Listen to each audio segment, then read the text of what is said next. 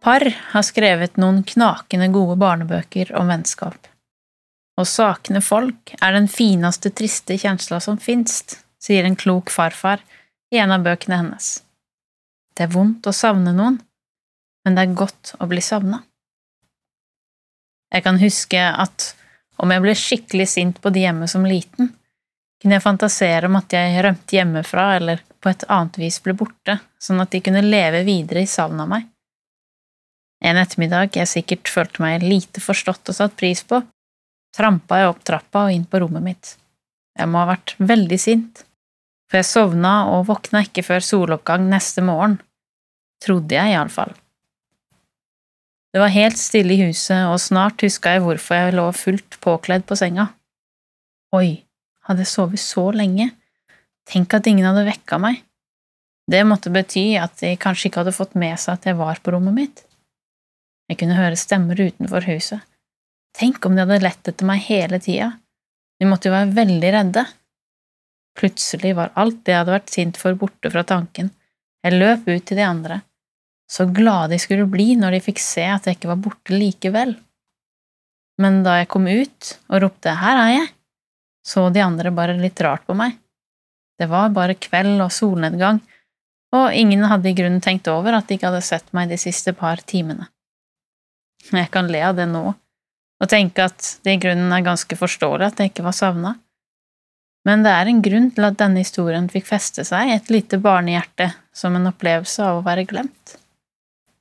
For det å bli funnet forutsetter at noen leter etter noe som er mista. Men om noe ikke er registrert som mista eller borte, da kan det heller ikke bli funnet. Kanskje har du som hører på, en mer alvorlig erfaring med det å være glemt av andre. Da vet du hva farfaren i Maria Pars bok mener med at å savne folk er den fineste, triste følelsen som fins. Kan Gud glemme oss? En av personene som det fortelles om i Det gamle testamentet, var en egyptisk slave av ekteparet som skulle bli opphavet til hele israelsfolket. Hun følte seg fullstendig alene og fortapt i verden, men fikk et uventa møte med slaveeiernes gud i ørkenen. Hun ga navnet Du er en gud som ser meg. Mange år senere, i kanskje den samme ørkenen, var det en mann som fikk et uventa møte med den samme gud. Han var også fra et slavefolk, men denne gangen var rollene bytta om. Nå var det egypterne som var slaveeierne, og israelsfolket som var slaver. Moses, som denne mannen het, var født med en dødsdom, fordi den egyptiske kongen, eller farao, hadde bestemt at ingen guttebarn født av israelittiske foreldre hadde livets rett. At israelittene hadde blitt æresinnbyggere av Egypt fordi en av dem hadde reddet landet fra en alvorlig hungersnød, var for lengst glemt. Alt farao så i dette innvandrerfolket, var en potensiell fiende som ikke måtte vokse seg for sterk. Til tross for det som må anses som svært dårlige livsvilkår, ble Moses reddet av mors kjærlighet og en sivkurv. Han ble funnet av faraos datter og vokste ironisk nok opp på kongens slott som sønn av han som hadde gitt ham dødsdommen. Jeg har tenkt noen ganger på hvordan oppveksten hans var. Var den prega av at han var kommet bort fra sine egne, eller av at han var funnet? Visste han i det hele tatt om at han var savna? Det er iallfall noe som tyder på at han fikk vite om sin bakgrunn etter hvert, for det står at da han ble voksen, gikk han ut til sine landsmenn og fikk se tvangsarbeidet de var satt til.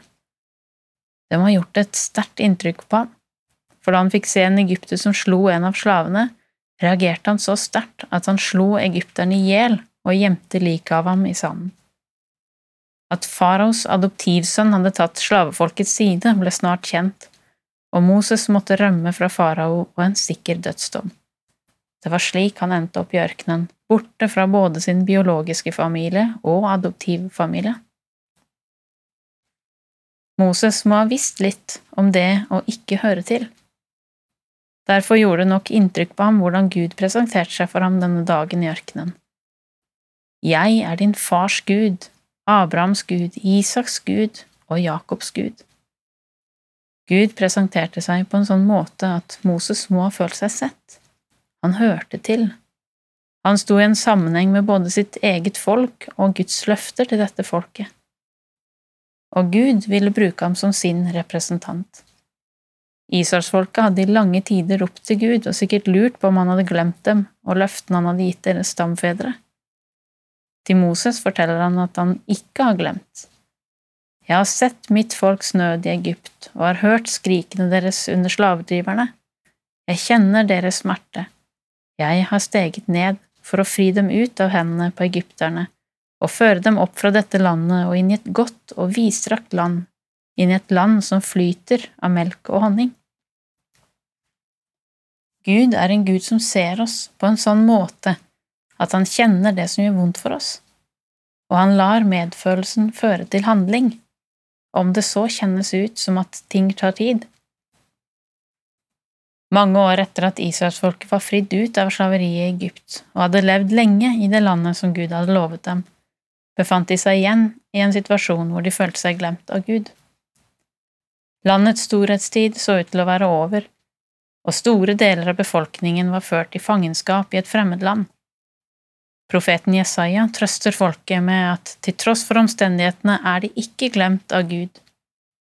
Jeg leser fra Jesaja 49, vers 14–16. Sion sier, Herren har forlatt meg, Herren har glemt meg. Guds respons på dette er, kan en kvinne glemme sitt diende barn, en omsorgsfull mor det barnet hun bar? Selv om de skulle glemme, skal ikke jeg glemme deg. Se, jeg har tegnet deg i mine hender. Dine murer står alltid foran meg. Herren velsigne deg og bevare deg. Herren la sitt ansikt lyse over deg og være deg nådig. Herren løfte sitt åsyn på deg og gi deg fred. Du hørte Sonja Leirvik i Over en åpen bibel i dag. Dette programmet er produsert av Norea Mediemisjon. Besøk gjerne våre nettsider norea.no.